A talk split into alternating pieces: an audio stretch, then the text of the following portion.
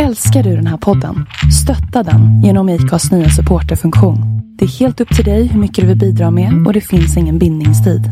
Klicka på länken i poddbeskrivningen för att visa din uppskattning och stötta podden. I'm Sandra, and I'm just the professional your small business was looking for. But you didn't hire me because you didn't use LinkedIn jobs. LinkedIn has professionals you can't find anywhere else, including those who aren't actively looking for a new job but might be open to the perfect role, like me. In a given month, over 70% of LinkedIn users don't visit other leading job sites. So if you're not looking on LinkedIn, you'll miss out on great candidates like Sandra. Start hiring professionals like a professional. Post your free job on linkedin.com/people today. Hey, it's Ryan Reynolds, and I'm here with Keith, co star of my upcoming film, If, only in theaters, May 17th. Do you want to tell people the big news? All right, I'll do it. Sign up now and you'll get unlimited for $15 a month in six months of Paramount Plus Essential Plan on us. Mintmobile.com slash switch. Upfront payment of $45 equivalent to $15 per month. Unlimited over 40 gigabytes per month. Face lower speeds. Videos at 480p. Active Mint customers by 531.24 get six months of Paramount Plus Essential Plan. Auto renews after six months. Offer ends May 31st, 2024. Separate Paramount Plus registration required. Terms and conditions apply if rated PG. Och någonstans för att hitta till den här eh, platsen jag ska till så måste jag veta var, var, var är jag? Vad är den här röda pricken? Och det var det jag var ute och flaxade här borta och jag behövde ta tillbaka det och se okej, okay, var är jag? Var står jag? Vad vill jag? Alltså någonstans ta tillbaka allt till mig själv. Mitt namn är Linda Hörnfeldt och du lyssnar på avsnitt 137 av We Are Influencers. I det här avsnittet får du träffa Oskar Arngården. Oskar jobbar som sjukhuspräst och blev för några år sedan internationellt kändis på Instagram genom sitt träningskonto Crossfit Priest där han visar upp crossfitövningar och pratar om fysisk hälsa och psykisk hälsa. Som max var han uppe på nästan 170 000 följare när han plötsligt stängde ner sitt konto. I det här avsnittet så snöar vi in på någonting som är helt nytt för mig. Existentiell hälsa. Och hur vi nu för tiden kanske inte alltid vänder oss till religion för att hitta en högre makt. Utan vad handlar det här med existentialism och eh, mening med livet. Var, va, va landar vi någonstans där idag? Idag kan det vara att komma ut i naturen eller besöka gymmet som gör att vi känner att vi har en, en annan koppling till, till en högre makt. Så det pratar vi också om, men vi, du får också höra om varför Oscar avslutade sitt gamla konto och startade om på en ny kula något år senare. Vad tycker hans arbetsgivare, Svenska kyrkan, om hans konto? Varför blev han sjukhuspräst från början och varför han jämförs med Chris Hemsworth? Det här och mycket mer kan du höra i min intervju med Oskar Arngården. Vill du också ha tusentals följare, jobba på dina egna villkor och samarbeta med stora varumärken? Jag hör dig. Att vara sin egen chef och att skapa som jobb, det är fantastiskt. Men det är också hårt jobb. Så innan du ger dig in i en tuff bransch med höga krav, ladda ner min gratis nybörjarguide med de sex första stegen till att bli en framgångsrik influencer. Du hittar den på lalinda.se influencerguide. lalinda.se influencerguide. Hej och varmt välkommen Oskar Arngården! Tack så mycket. Roligt att få, få vara med. Ja, för du är ju lite av en eh, dark horse i den här influencer-kategorin. Kan du, du, du berätta lite grann, vad är det du gör? Jo, det kan jag väl göra. Eh, jag har ju ett Instagramkonto som många andra eh, som har eh, eh vuxit sig. Mm. Eh, och man kan säga det, det, har varit fler följare än vad det är idag. Jag stängde ner det. Ehm, det var några år sedan nu när det verkligen tog fart och så stängde jag ner det. Sen så började jag om igen. Okej, okay, du ehm. började om. För jag läste ja. ju på lite grann om det här och jag bara oj, här, här, här har det hänt grejer. Ja, det tog, det tog, det tog fart. Ehm, mm. Och det var väl tack vare lite utländska medier framför Ja. allt. Ehm, det, det, det är större utomlands kontot än vad det är i Sverige. Jag skriver på svenska, Mm. eh, men, men, men det är framför allt i, i andra länder som det har vuxit till sig. Och det var även där när första gången som det liksom växte och blev stort.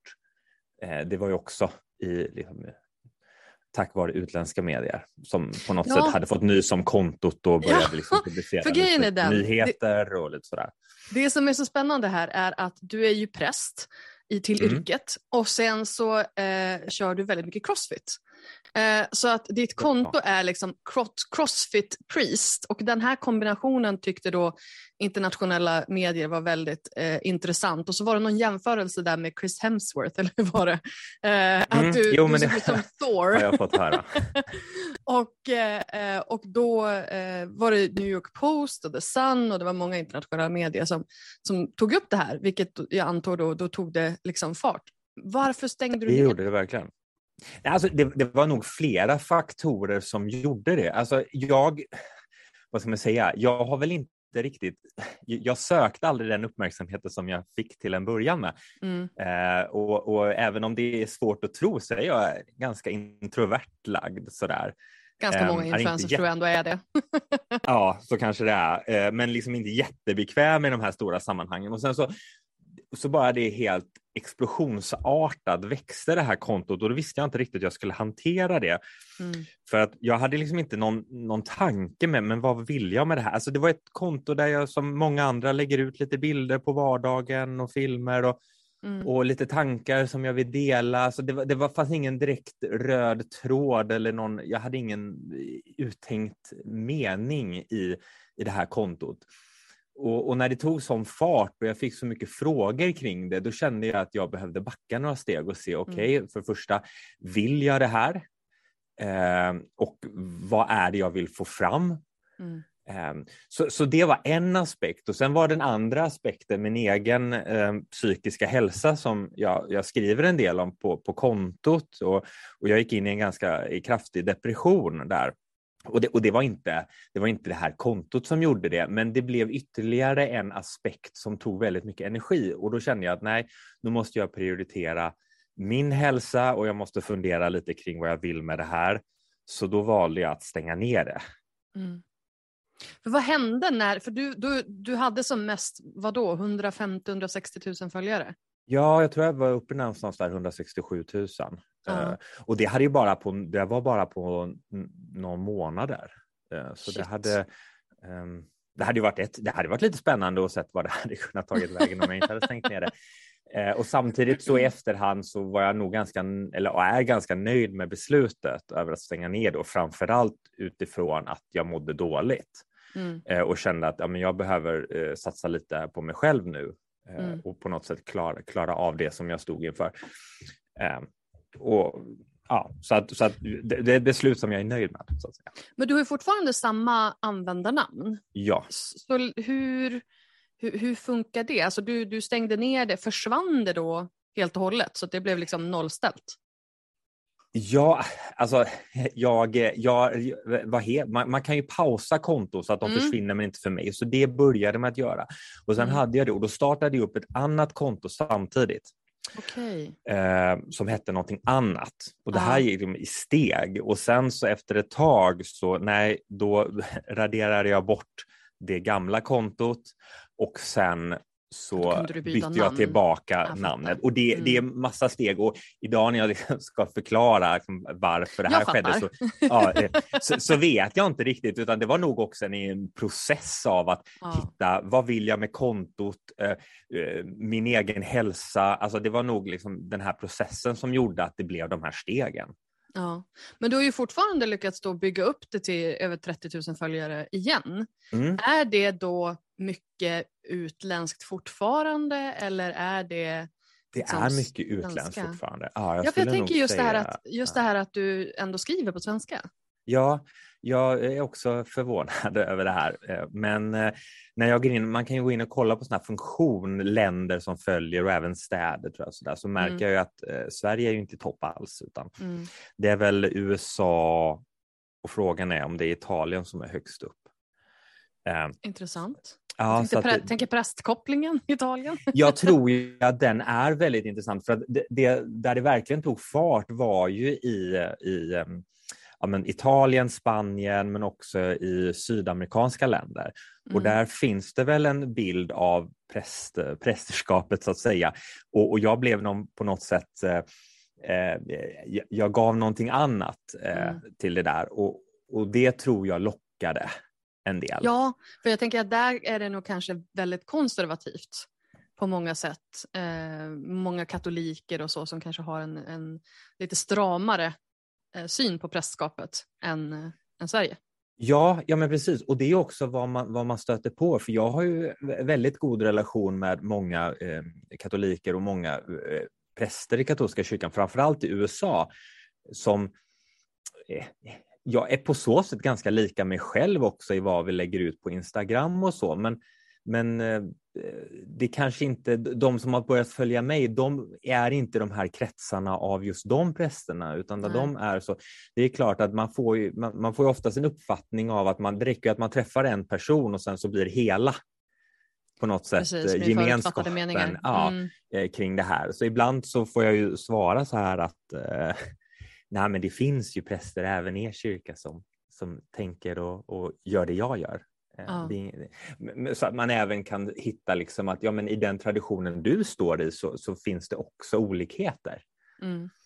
Vad har du fått för reaktioner från, ja men först och främst, jag tänker att det här är två väldigt starka communities, du har liksom kyrkan, men sen känns det också crossfit community ibland som en kyrka, eller som en sekt. Ja, absolut, det är jag beredd att skriva under på.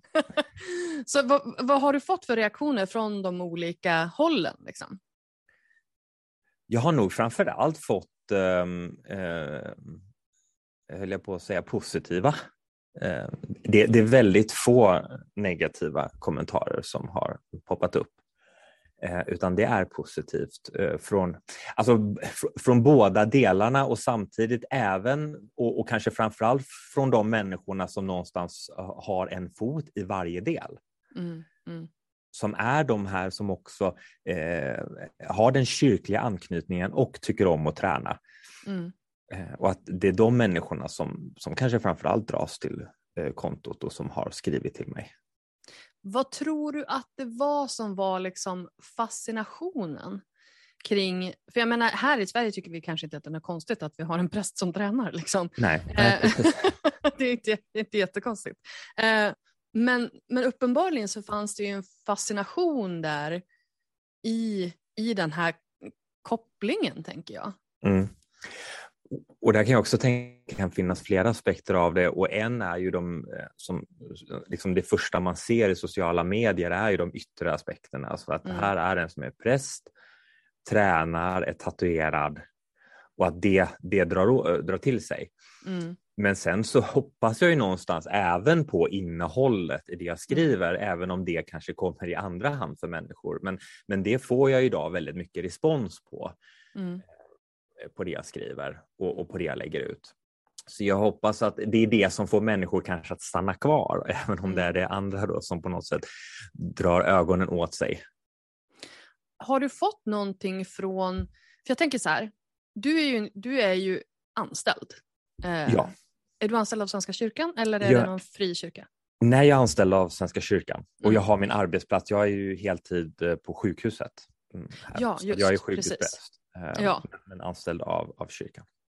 För jag tänker att eh, om det är en, om det fanns liksom, för, för här, anställda har ju oftast en åsikt om, Mm. eh, om vad många, eh, eller, så här, å, eller arbetsgivare har ofta en, en åsikt om vad anställda gör i sociala medier. Har du fått några reaktioner från liksom kyrkan? Att så här, det här, är det, det här var ju jättebra eller det här känns kanske inte representativt eller det här, du vet, har du fått några sådana kommentarer?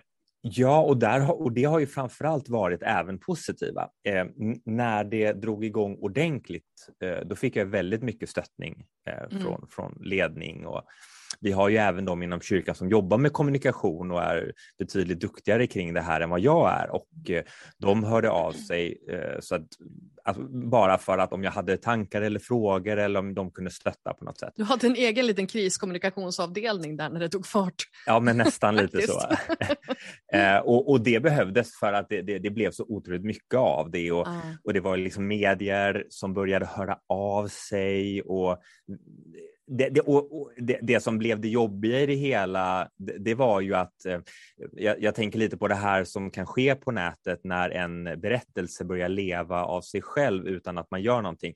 Alltså det mm. började skrivas en massa saker och det började nästan och, och, en del av det som finns skrivet står i intervjuform, men det är ingen intervju utan man har använt mitt material som mm. har lagt ut. Jag har aldrig sagt det. Äh, okay. och, och, och, då, och då börjar liksom hela den här berättelsen om mig själv leva utan att jag är med och påverkar mm. den och det var nog det som var lite jobbigt i början. Och det fick jag, men det fick jag väldigt mycket stöttning i. Liksom så mm. att, eh, och lite vad jag kunde tänka på kring om man börjar höra av sig och, och, och, då var det väl framförallt också om till exempel eh, svenska nyheter började mer, eh, kanske mer kvällstidningsaktigt sådär. Eh, mm. Om, de börjar höra av sig, vad, vad, vad, kan man tänka sig att de kommer fråga om eller intresserade om? Du blev mediatränad det där. Ja, men lite så. Eh, det var en liten sån här crash course. Det gick ganska snabbt. men hur gick det? Eller, var, eller, liksom du, eller klippte du bara där? Alltså, hur gick det? Hur långt tog det från att det liksom blew up till att du sa nu, vänta, nu måste jag pausa här?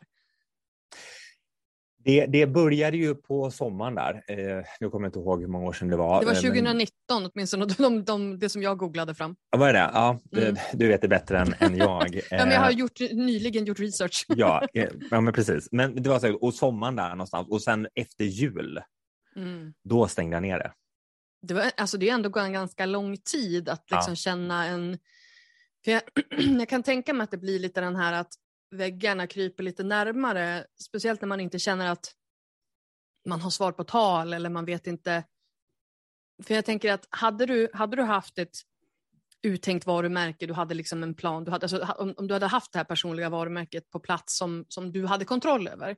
Mm. För jag pratar ju ofta om det här liksom att alla har ju ett personligt varumärke.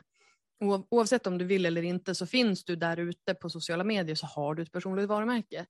Det som är läskigt och lite farligt beroende på hur man använder det eller hur man ser på det, det är ju just det här att when it gets away from you. Alltså mm. om det är så att folk skapar sig en bild av vem du är som du inte riktigt är överens om men du vet inte riktigt hur du ska kommunicera vad det är du vill att de ska tänka. Liksom.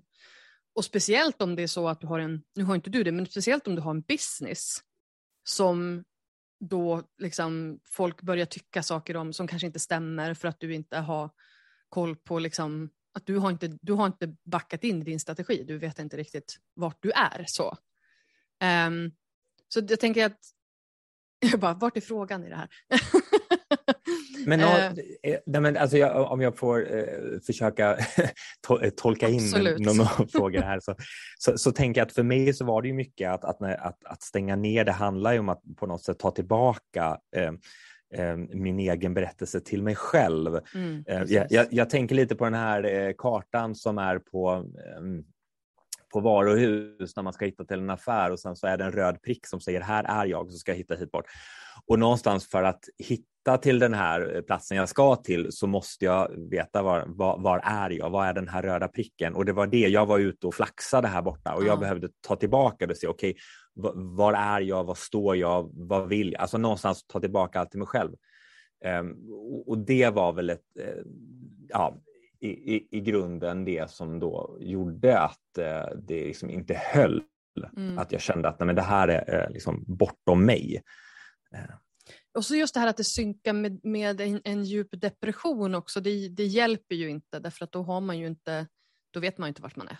Alltså då... Nej, nej, nej, man, man är, det är ju bara vilsenhet. Alltså, ja. Och mycket av tankar man har, tänker jag, som jag hade i min depression som var väldigt liksom mörka och svåra. De, de, de, var ju i grunden alltså på något sätt beroende av, alltså, eller från depressionen. Det var inte så att jag fick depressionen av tankarna. Så det var liksom väldigt rörigt och, och någonstans, eh, det, det, gick inte att hitta sig själv i det läget heller, så där Nej. behövde jag ju ha hjälp. Mm, och så sen ska det liksom exponeras ut, eller inte, inte det i sig, men, men just det här att du då fläks ut till hela världen när du inte själv... Alltså blir, man blir väldigt sårbar, tänker jag. Ja, absolut. Um, och, och, sårbarheten är ju en, en, en, en svår känsla. En, även om jag nu på Instagramkontot är väldigt öppen med att sårbarhet är liksom the shit. Men... Ja, eller hur? Eller hur? Uh, Nej, men, jag har också, jag har också varit, varit, jag har också varit så sjuk i, i depression vid ett par mm. tillfällen så att jag, jag, jag, känner med dig och jag, och jag var inte alls, jag hade inte alls samma närvaro i sociala medier eh, då som jag har nu. Men jag var ju också väldigt öppen, typ, då var det främst min blogg som jag pratade på. Mm. Och de, många uppskattade det, men många har ju också inte förståelse. För det är ju Nej. extremt svårt att förstå om man inte har, har varit där. Oh ja. och, och jag kan ju nu när jag tänker tillbaka ha svårt att förstå, men hur kunde jag känna så? Mm. Hur kunde jag må så? Alltså, hur kunde jag se att allt var så hopplöst och meningslöst? Det tycker jag inte. Alltså, eh, och, och, då har det ändå så handlat om mig själv, men jag kan ändå mm. inte liksom förstå mig själv i det. Så det, det, är ju verkligen eh, svårt och liksom komplicerade saker det där. Mm. Och jag tänker så här, för det första, eh, är det här någonting som du pratade om i sociala medier när det skedde? Eller var det liksom, jag tänker, det tar ju också ett, ett, ett, liksom ett bra tag innan man är tillbaka. Mm. Så att jag tänker på vägen tillbaka då när du då hade liksom slagit i bromsen och kunde liksom någonstans börja om. hur, hur, hur blev du bekväm att prata om det? Liksom? För att jag, det, det är nog för jag, jag, märkte väldigt tydligt själv eh, behovet av att någonstans eh, det, det, egna egoistiska behovet av att faktiskt prata om det. Mm. Och, i, och i mitt yrke så märker, märker jag och vet jag också om vikten av att få berätta sin historia mm. för att på något sätt kunna integrera den i sig själv och landa i den. Eh, och, och, kanske också he, hela sidan. Eh, alltså att, så, så, så, så, där då blir, blev det en plattform. Så lika mycket som att jag kanske försöker få ut information, kunskap och, eh, eller, och också liksom vill ha upp samtalet kring psykisk hälsa så är det någon form av terapi för mig själv också. Mm. Eh, att jag får tala om det. Mm. Och Jag tänker att det måste ju också vara, jag menar, i egenskap av präst så måste du också ha lite av en, en tera, terapeutisk roll. Liksom. Eh, med tanke på människorna du möter och vart de är någonstans?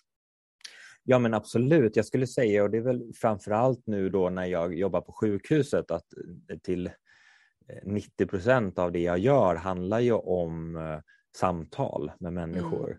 Mm. Mm. Eh, många, många, gånger blir de här samtalen inte till samtal utan där är det bara närvaro som på något mm. sätt i, i, den här, i, den, i den djupaste krisen som eh, som man möter här på sjukhuset så är det inte alltid så mycket man kan säga. Eh, men där blir ju närvaron det centrala. Eh, men, så, så vi rör oss i det här just samtalet och det enskilda samtalet eh, till största är delen. Det, är det främst då, för jag tänker vad din roll som, som eh, sjukhuspräst är, är det Ja, du får berätta. Jag, istället för att jag ska liksom låtsas att jag vet. Ja, alltså, vi, vi finns ju på, på, sjukhuset så finns ju vi som kyrka till för framförallt eh, eh, de patienter, anhöriga och personal. Eh, mycket för, för samtal, samtalsstöd men också eh, krisstöd. Eh, mm. Eh, vi, vi, har även eh, handledning, föreläsningar så mm. för, för personal och även eftersom det här är en studentstad för studenter som ska in och arbeta i, i vården. Så, så det är väl det planet vi rör oss på här. Och jag brukar säga att en av vår, våra uppgifter nu eh, är att vara med människor på en plats där ingen egentligen vill vara. Ja, för jag tänker att det måste bli väldigt många tunga samtal.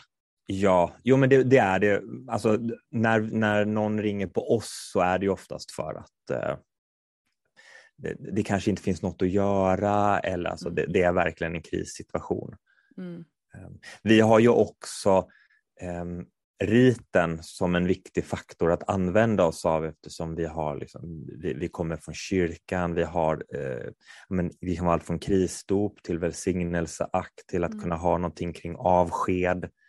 Eh, och jag tror att det är betydelsefullt för, för människor skulle jag säga oavsett kanske vad, man själv har för eh, för tro eller ingång till det religiösa, så just någonting att samlas kring, något som kan sätta ord på den här, vad jag skulle säga, existentiella smärtan som Mm. finns i de här lägena. Eh, Då, då finns ju ofta, men då är ju riten ett sätt att göra det. Och, och det har vi som verktyg. Jag tänker att det är tröst också. Ja. Oavsett om man är religiös eller inte så, blir det liksom, så finns det en tröst i just det, oavsett vad det är som, som har hänt. Mm. Men varför Jo. sökte du till, alltså varför, varför just sjukhus? Jag, jag tror att eh, det har nog funnits ända sedan jag började studera eh, till präst. Eh, men, men då vet jag inte riktigt om jag visste vad det innebar helt fullt ut såklart. Men sen har ju det vuxit till sig att ja, men det här vill jag verkligen testa på. För just att att få, att få möta människor där verkligen livet bränner till eh, Mm. är någonting som jag har eh, upplevt och känt där, men det är otroligt meningsfullt. Mm. Det, det går ju inte att säga att, att, ehm, att det är liksom det roligt arbete utifrån det sättet, men det är ett väldigt meningsfullt arbete. Och jag tänker att Nej, Det är inte bröllop varje dag liksom. Nej men exakt, och, och, och, och, och i det meningsfulla då finns ju alla de här känslorna av smärta och vad som är roligt. Och, eh, men, men, men det liksom slår an på något djupare hos en. Mm. Men, men, men det är klart att det är väldigt mycket som, eh, som, som kretsar just kring, eh, kring sorg och smärta här, även de gånger det blir dop. Det blir inte de här festliga dopen Nej. som man hade i kyrkan, utan då är det mer ett, som vi kallar det, ett krisdop.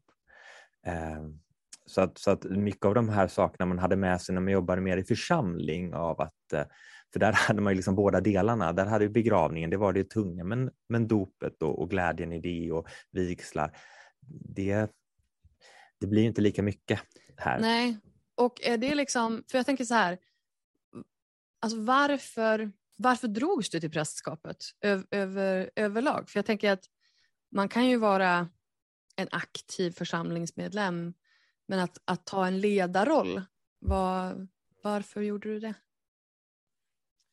Ja, jag, jag tror inte att jag såg det först och främst som en, som en ledarroll, men, men det är ju Mm. det, precis som du säger. Eh, Men om jag, om jag ska gå tillbaka långt så hade jag mina första tankar på att vilja bli präst eh, när jag var, själv var konfirmand, så när jag var 14 Mm. år. Mm. Eh, Men jag tror att det var, jag var på ett konfirmering på ett jätteroligt läger och vi spelade väldigt mycket fotboll på det här lägret och då var det ju fotbollsproffs som gällde. Och så tänkte jag att om jag inte kan bli fotbollsproffs, om jag blir präst, så får jag spela mycket Det fotboll. var ju ändå en backup. För då får jag vara på läger. Så att, ja, ja, men precis. Så det var en Och konstig så hamnade backup. du på det ju- sjukhuset. ja, det, det är ganska långt ifrån fotboll Ja. på något sätt, eh, även om de samtalsämnena såklart kommer upp här också om fotboll. Absolut. Men, eh, men, men jag tror att det, fanns ju någonting där då som, som hände, alltså en, en tanke på att eh, en, en tanke väcktes. Och Mm. eh, det var någon som, det här, vi, vi pratade lite om det här med kallet. Mm.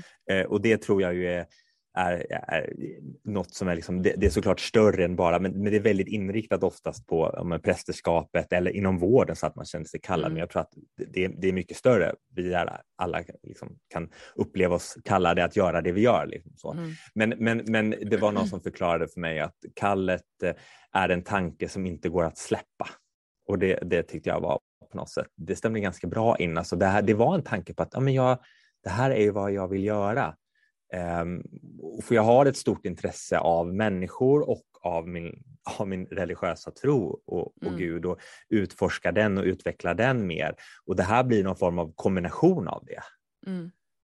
Ehm, Så, att, så, så den här tanken den växte sig starkare och starkare och starkare och till slut så tänkte jag att Nej, men jag testar väl och ser om det är någonting för mig. Jo, men det blir lite så att när man, när man liksom, jag är ju sån också, att det har jag, har jag landat i en tanke att så här, jo men det här vill jag göra, då är det inte som att, jo men tänk om, tänk om, utan då det, känner man i magen att så här, det här blir bra, det här vill jag. Och, det, och just det här att man känner att man faktiskt kan ehm, göra skillnad. Då, Ja. då, då är det ju bara att köra på det. Liksom. Mm. Eh, men då har du, hur länge har du gjort det här? Eh, Jag blev klar 2011. Mm. Så det, det börjar ändå så. Jag har alltid tänkt att jag är liksom den unga nya, men jag märker nu att det kommer betydligt yngre och nyare. Nu är det ett decennium in, nu börjar du bli ja. lite, liksom, lite gråhårig och lite... ja men faktiskt, se här i skägget att det börjar faktiskt bli lite ja, gråhårstrån. Ja, det, det, det, är, det är nog inte tillräckligt nära. Nej. um, men prata lite grann om hur, liksom, hur har då träningen kom, hur kom det in och vad betyder det för, för ditt yrke? Ja, alltså, träningen har alltid egentligen varit en naturlig del av uh, min, mitt liv och, och vardag så länge jag kan minnas. Alltså, när man var yngre då var det mycket fotboll, boll, för, ja, fotboll och jag är från Kungälv från början, där spelar man bandy. Ah. Um, så, att, det, det, så det, var, det har liksom alltid hängt med och sen så blir man lite äldre och och, och, då blir det lite mer gym och, och sen så eh, jobbar jag en del efter eh, gymnasiet så här med träning som ja, personlig tränare och gruppträningsinstruktör, vilket jag också höll i när jag studerade till präst. Så, att, så att det har egentligen alltid bara funnits med som en naturlig del, så det har inte varit någon reflektion kring vad kan det här ge mig i livet eller och eh, det, det här är hälsosamt, så det ska jag hålla på med utan det har liksom bara funnits med. Mm. Sen har jag väl i efterhand märkt hur, hur, viktigt det har varit, speciellt i perioder då man har mått dåligt. Mm. Av, att, av att träning är ju verkligen en, en, en god medicin i det. Um, som kan ge väldigt mycket. När den också blir, för, för jag har ju självklart också haft mina perioder av um, alltså att träningen blir väldigt prestationsinriktad.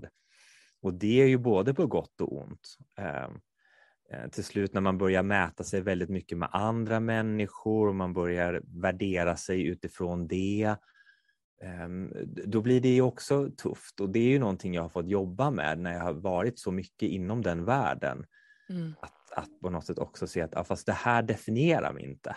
Nej. Och när jag väl kom till det, då blir det mycket lättare att hålla en sund inställning till, eh, till träningen, till hälsa. Att, att det, det, det är framförallt för min skull för att det är roligt. Hur kommer man för att jag dit, mår bra av det. Hur kommer man dit? ja, hur kommer man dit? För mig så blev nog eh, en viktig del är ju min, min tro. Eh, utifrån att helt plötsligt så var det ett par andra ögon som såg mig och fick definiera vem jag var. Mm. Um, och, och, då kunde jag vila i det.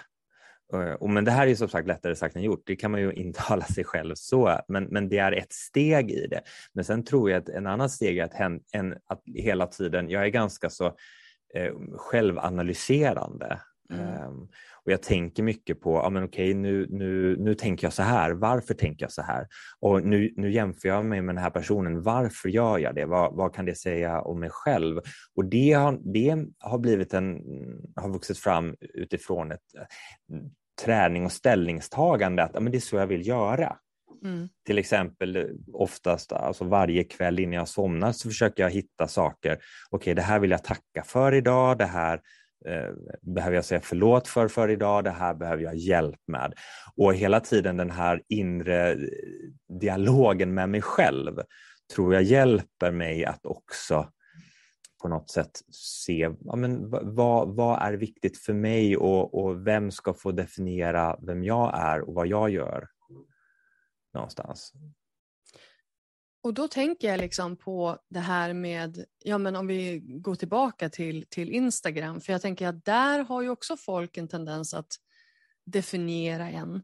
Eh, och att då eh, ja men ha den, den profilen som som du har. Vad har du för, vad säger dina, din publik?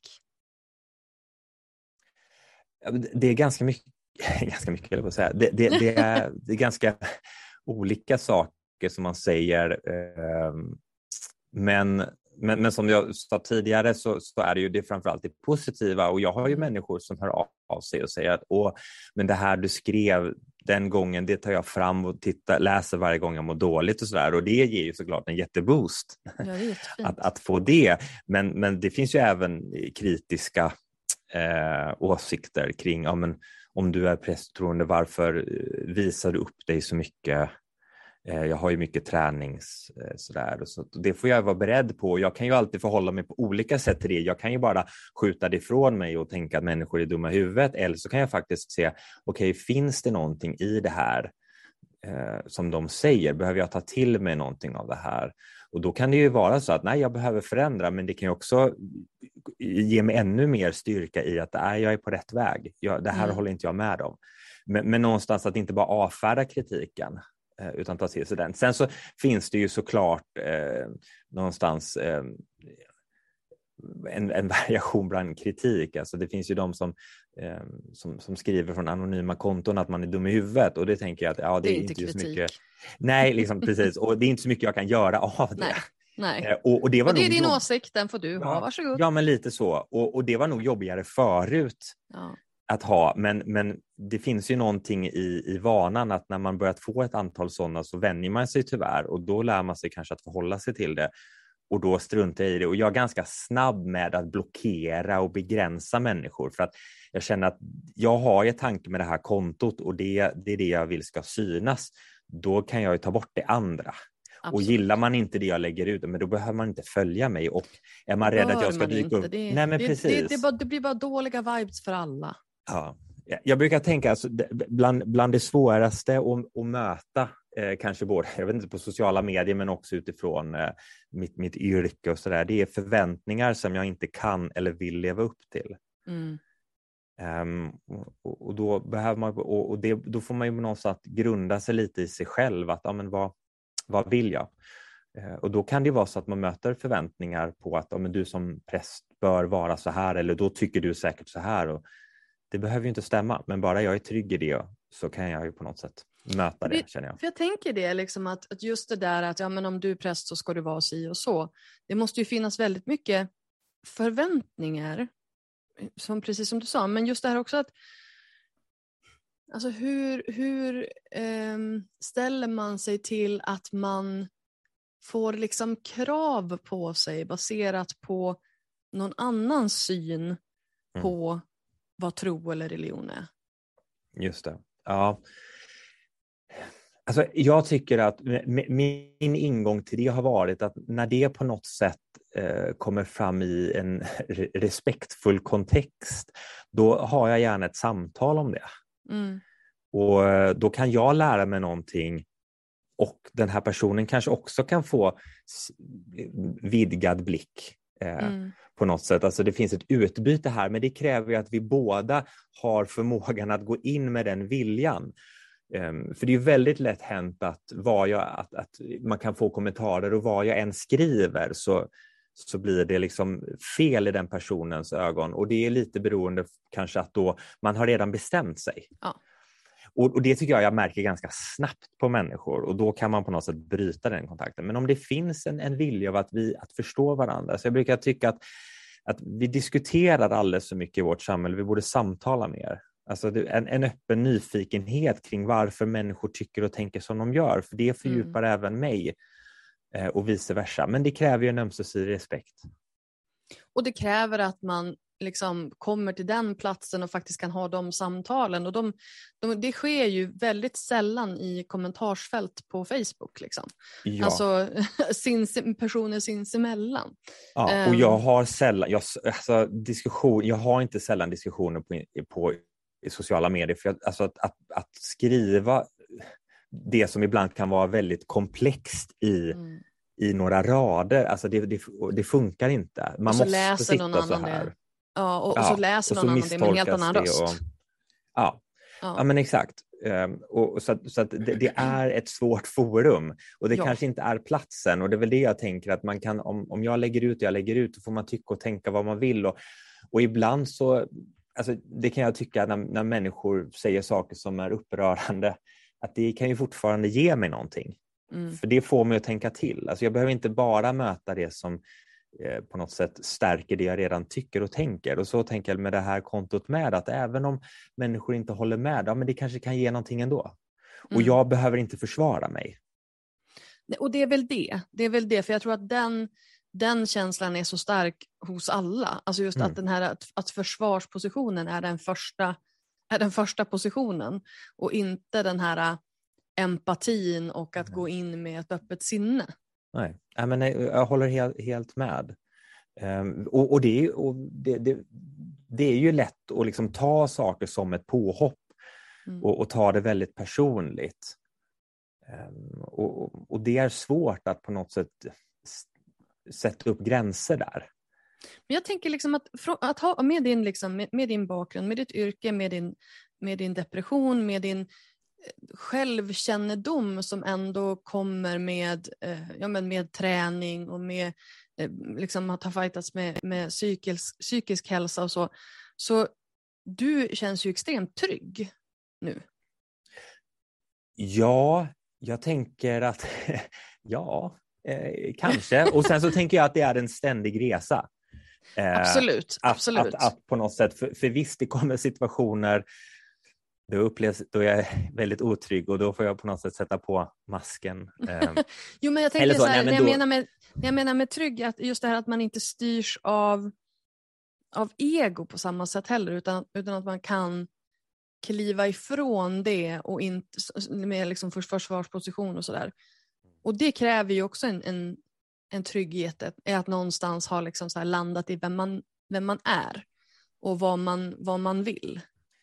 Ja, och, och jag- tror att det, för, för min egen del så har ju det handlat väldigt mycket om det som, om vi talade lite innan, den här eh, självanalysen och, och dialogen med mig själv hela tiden som, som, som jag tror framför allt kom i och med depressionen där jag behövde känna att jag behöver få tag på vissa saker. Jag behöver lära känna mig själv lite bättre.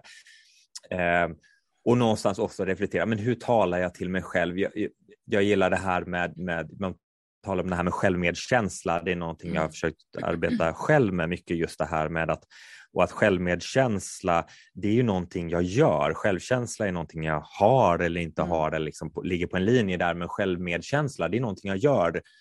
Eh, vilket betyder att när jag märker att jag talar illa till mig själv, okej, men då får jag ju stanna upp och tänka, men vad, vad, vad, vad säger jag? Varför säger jag? Kan jag byta ut det? Kan jag säga någonting annat?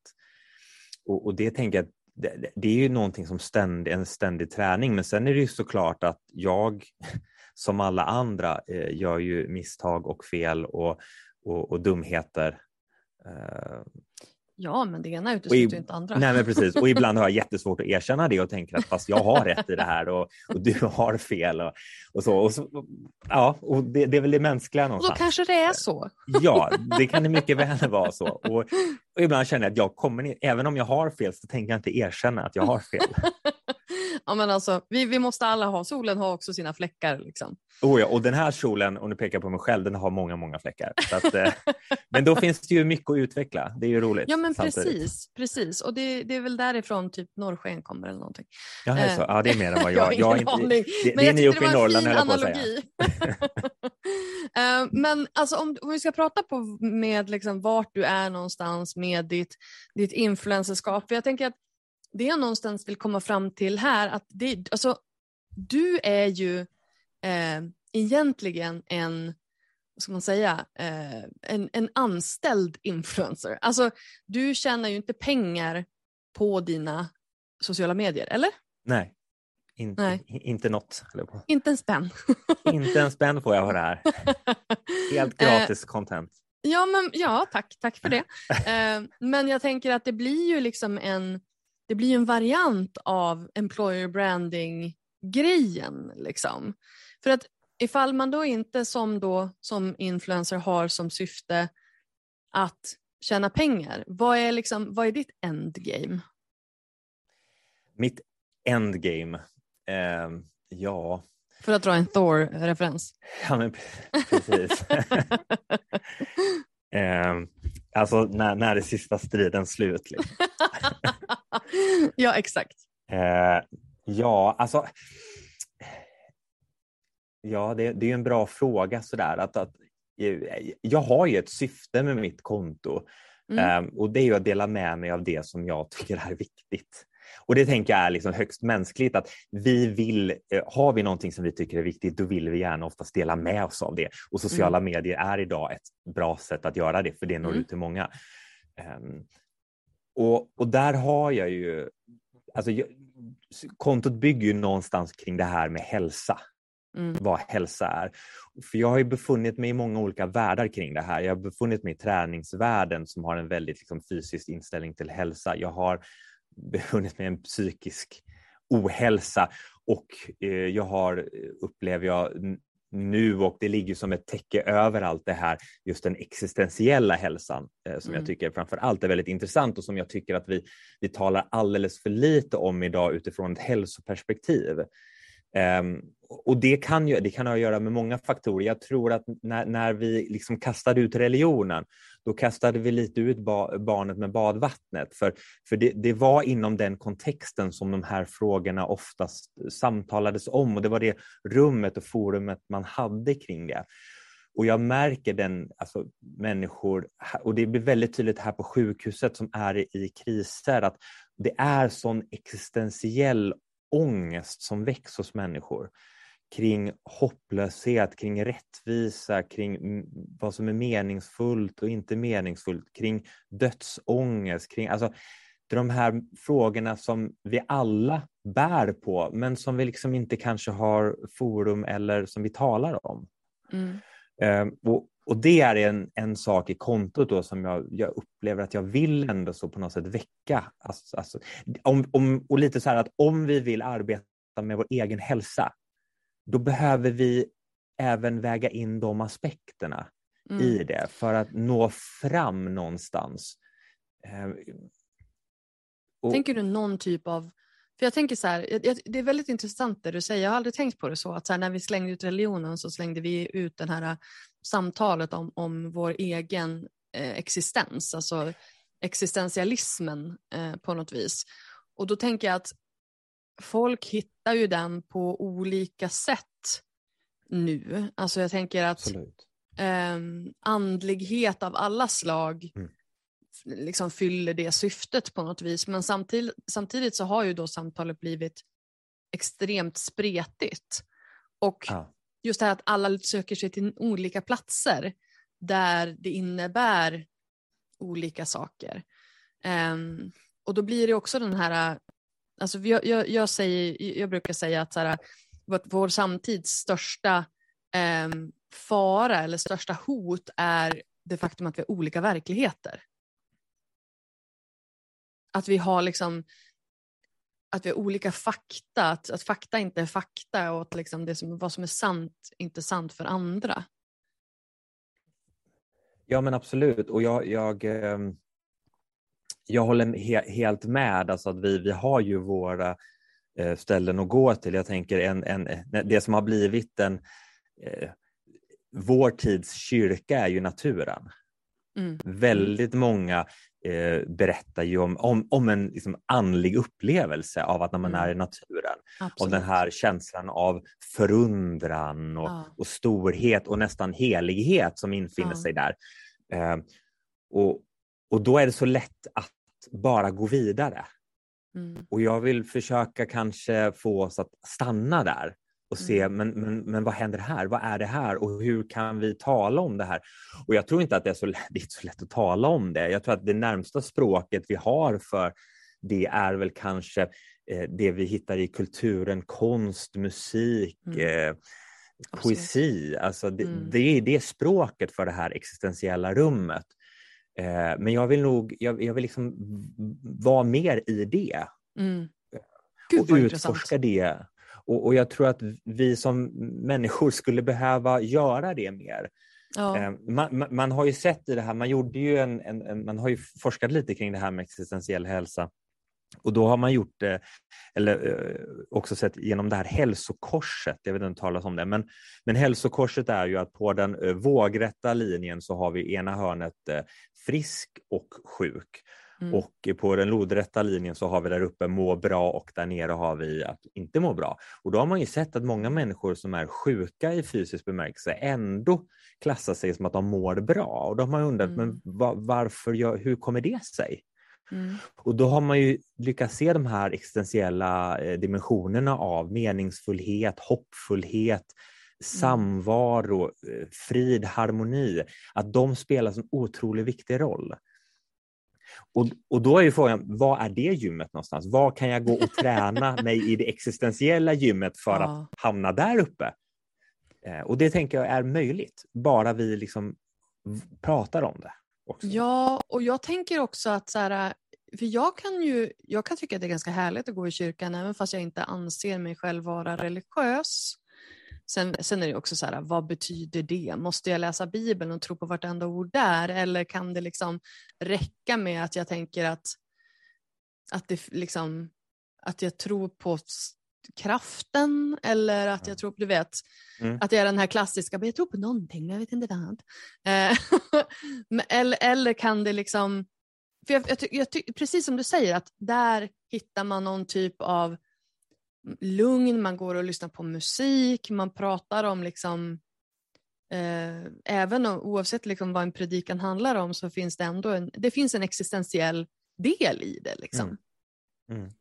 Eh, jag, och jag har inte tänkt på det på det sättet förut, att det handlar om existentiell hälsa. Så det var ju extremt intressant inramat. Nu blev jag helt så här, min hjärna bara bla, går helt bananas på den här tanken Ja. som jag liksom vill vidareutveckla. Ehm, Men, men det är ju intressant det du säger, om jag bara får hoppa in lite snabbt här kring Mm. eh, ja men please do, det är din intervju. Ja, det, det, jag vill inte avbryta, men, men eh, eh, just det här med att eh, man, man kommer i kyrkan, men, men, och det möter jag, kan jag möta ganska ofta i samtal så här att ja, men jag, som, då, det kommer ganska tidigt in, ja, men jag är inte religiös. Mm. Eller inte så här. Och då brukar jag ja, men vad är du då? Eller, eller så Mm. här, eh, jag, jag tror inte på, på, på, på Gud, men jag tror på något. Och så kanske jag frågar, men vad är det här något du tror på? Mm. Och då tänker jag att det, det är någonting hur man eh, vad heter det, misskrediterar eh, Mm. sin egna erfarenhet. Och som jag skulle vilja säga, sin egna andliga erfarenhet. Det är så lätt hänt att vi ser religionen som enbart, men här är regler och dogmer och det här måste du följa till, eh, punkt och pricka för att få kalla det det här. Och så tar vi bort det som är människors erfarenheter, alltså det som Mm. är deras egna upplevelser. Och när vi börjar lyssna på vad människor berättar, då märker jag oftast, ja men alltså mina, mina tankar kring tro är inte så långt ifrån dig. Nej. Men det jag tänker är liksom om man inte, tänk, om man inte tror på Bibeln, helt enkelt. Om man, om man tänker att ja, allt det här har nog hänt, typ, eh, men kanske inte på det här sättet eller med den här slutsatsen eller du vet så. Mm. Och då skulle jag säga att eh, det, det är få människor som tror på Bibeln helt fullt ut, utan man måste också se på vilket sätt, jag menar i Bibeln har vi eh, poesi, Mm. vi har historieskrivningar, vi har sånger, vi har brev som är Mm. skrivna i en viss kontext. Mm. Alltså, det, det, det är svårt. Att, det är lite som att vi läser inte en historiebok från skolan på samma sätt som Tranströmers dikter, men vi kan ju Absolut. fortfarande mena att Tranströmers dik- dikter har någon form av sanning i sig, för de talar något Mm. om livet. Mm. Och det tänker jag också, eh, ja, men skapelseberättelsen är en sån eh, typ, typ exempel. Alltså om, man, om man tittar lite mer på grund, grundspråket som den är skrivet på, då, då märker man att det här är ju en poetisk berättelse. Mm. Men inte ska vi tolka den bokstavligt då, men den kan ju vara sann, fast den är ju sann från ett annat perspektiv. Den säger någonting om vad det är att vara människa. Mm. Det här kampen mellan att göra rätt och göra fel, alltså det, det finns så mycket att hämta i det. Eh, och, och, så att någonstans så tänker jag att vi, vi behöver ju liksom nu, nu blir det liksom inriktat på, på, på Bibeln och så, men, men just att, att vi behöver få prata om det här. Och- Ja, det, det håller jag helt med om. Därför att det, det är ju väldigt, ja, men också sen också här, ju äldre man blir desto mer tänker man liksom att, ja men desto mer existentiell blir man. Eh, men, också, men också just det här att ingenting är svart eller vitt. Utan allting är egentligen bara en enda stor gråzon. Mm. Och det handlar om att liksom navigera genom den sörjan som Ja. är gråzonen. Liksom. Ja men precis och i den här gråzonen så kommer vi till gränssituationer där det kommer liksom de här existentiella frågorna kommer väckas och det kan vara det kan vara kritiska sådana och då väcks de med full kraft när det ofta har kanske med, med död och sin egen dödlighet eller nära Mm. anhörig. Men det väcks ju också i de här mer vad ska man säga, eh, normala, de som är lika för alla någonstans, att vi, vi blir vuxna. Mm. Eh, eh ibland så talar man om de här 30, 40, 50-årskriserna.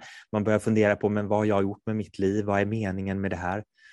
Um, och så, så, så, de finns ju där, men i, i det vardagliga då, då ligger det lite sådär i bakgrunden och inte tänker på, vi mm. tänker på det. Men man kan ju också fundera kring att ja, om jag finns, kan jag bygga upp någon form av existentiell motståndskraft om man så vill säga i livet så att när det väl krockar ordentligt då, är, då står jag lite tryggare. Mm. Det här vill jag ju se mer av i, på dina sociala medier.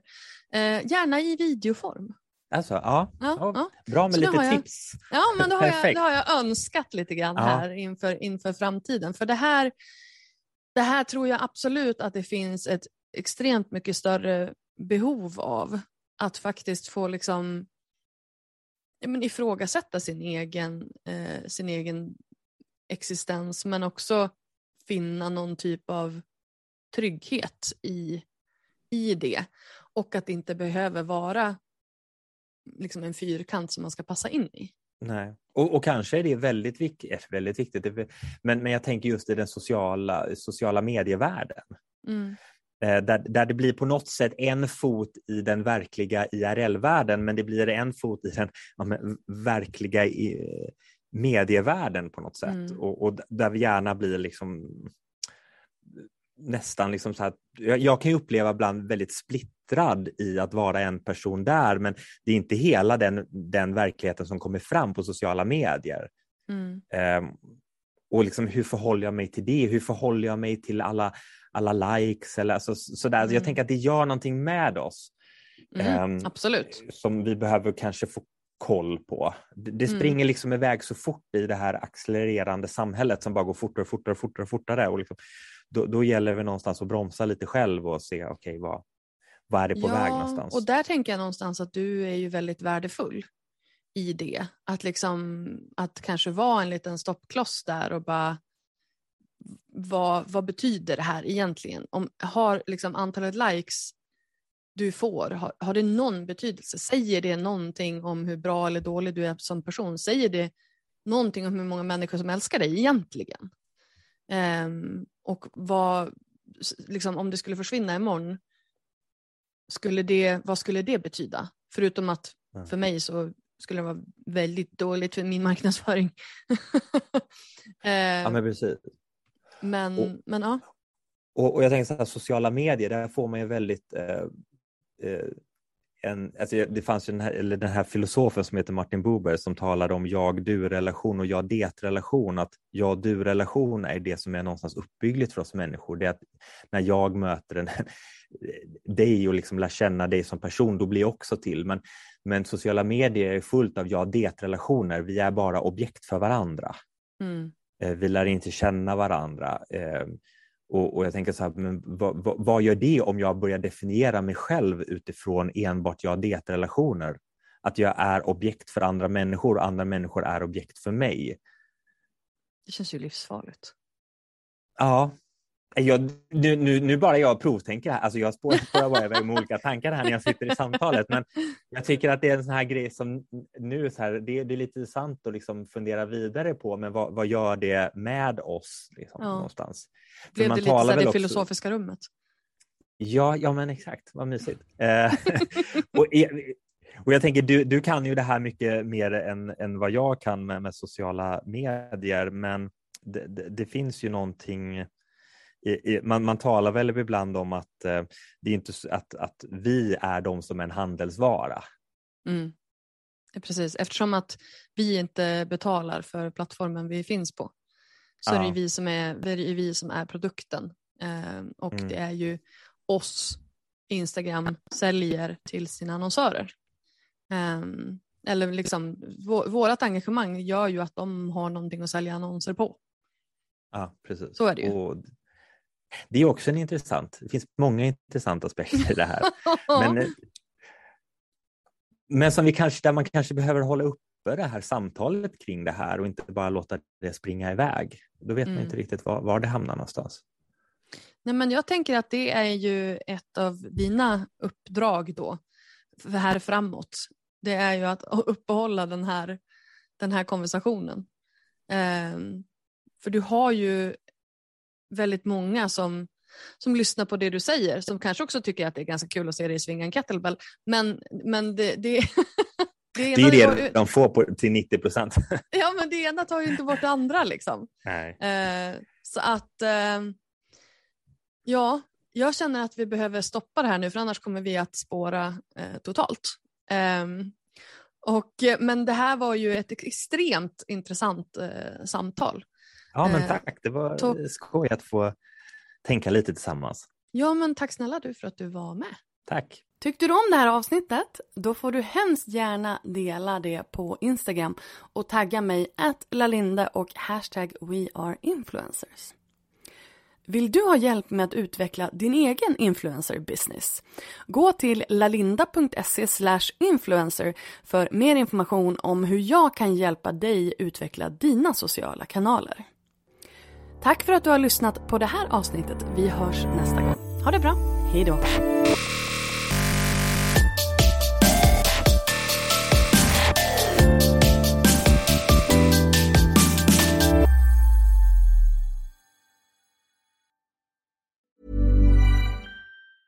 Hey, it's Paige DeSorbo from Giggly Squad. High quality fashion without the price tag. Say hello to Quince. I'm snagging high-end essentials like cozy cashmere sweaters, sleek leather jackets, fine jewelry, and so much more. With Quince being 50 to 80% less than similar brands. And they partner with factories that prioritize safe, ethical, and responsible manufacturing. I love that. Luxury quality within reach. Go to quince.com slash style to get free shipping and 365-day returns on your next order. quince.com slash style. Mom deserves the best, and there's no better place to shop for Mother's Day than Whole Foods Market. They're your destination for unbeatable savings, from premium gifts to show-stopping flowers and irresistible desserts. Start by saving 33% with Prime on all body care and candles. Then get a 15-stem bunch of tulips for just $9.99 each with Prime. Round out Mom's menu with festive rosé, irresistible berry chantilly cake, and more special treats. Come celebrate Mother's Day at Whole Foods Market.